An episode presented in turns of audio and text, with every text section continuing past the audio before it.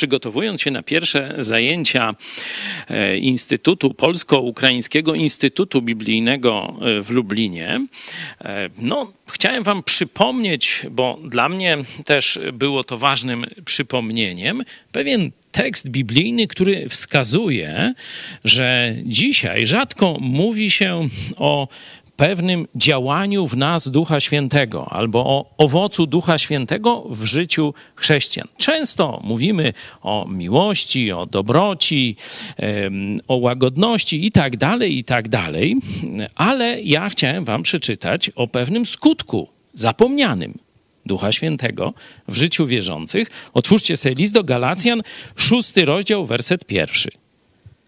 Bracia, jeśli człowiek zostanie przyłapany na jakimś upadku, no to nie, niezbyt precyzyjne tłumaczenie, jeśli komuś przydarzy się jakiś upadek, wy, którzy macie ducha, poprawiajcie takiego w duchu łagodności, bacząc każdy na siebie samego, abyś i ty nie był kuszony.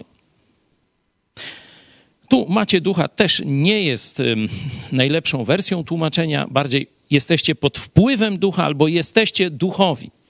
Czyli jeśli dojrzały chrześcijanin żyje w mocy Ducha Świętego, to już tak mówię interpretacyjnie, to jedną z jego trosk będzie kondycja moralna i duchowa braci. Jeśli widzę, że oni grzeszą. Nie będę obojętny. Nie będę mówił, że niech się ktoś zajmie, nie będę udawał, że nie widzę, albo nie będę uciekał, bo po co mi konflikty i problemy? Zobaczcie, jeśli jesteście pod wpływem ducha, poprawiajcie takiego, oczywiście w duchu łagodności, można powiedzieć współczucia, miłości i tak dalej, ale poprawiajcie.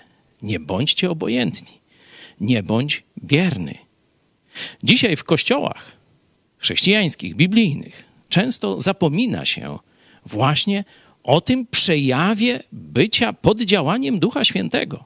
Warto wrócić do biblijnej perspektywy.